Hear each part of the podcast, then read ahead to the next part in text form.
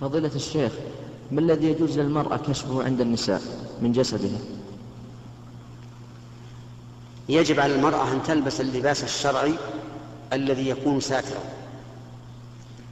وكان لباس نساء الصحابة كما قال شيخ الإسلام ابن تيمية وغيره من الكف إلى الكعب في بيوتهن.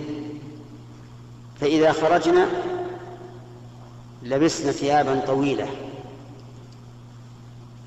تزيد على أقدامهن بشبر. ورخص له النبي صلى لهن النبي صلى الله عليه وسلم إلى ذراع.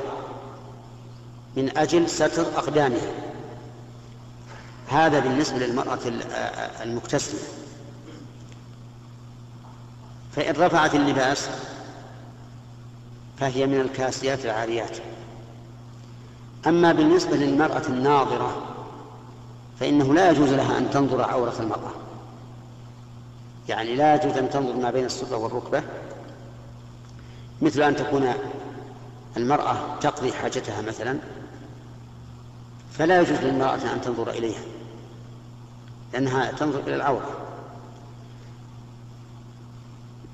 أما ما فوق السرة أو دون الركبة وكانت المرأة قد كشفت عنه لحاجة إما أنها رفعت ثوبها عن ساقها لأنها تمر بطين مثلا أو تريد أن تغسل الساق وعندها امرأة أخرى فهذا لا بأس. أو أخرجت ثديها لترضع ولدها أمام النساء فإنه لا بأس.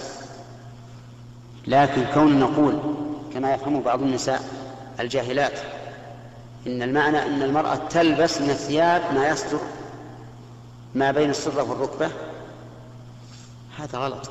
غلط عظيم على على كتاب الله وعلى سنة رسول الله وعلى شريعة الله وعلى سلف هذه الأمة.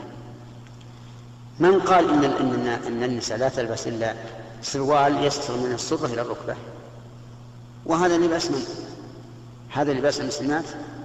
لا يمكن هذا. فالمرأة يجب أن تلبس اللباس الظافر من الكف إلى كعب الرجل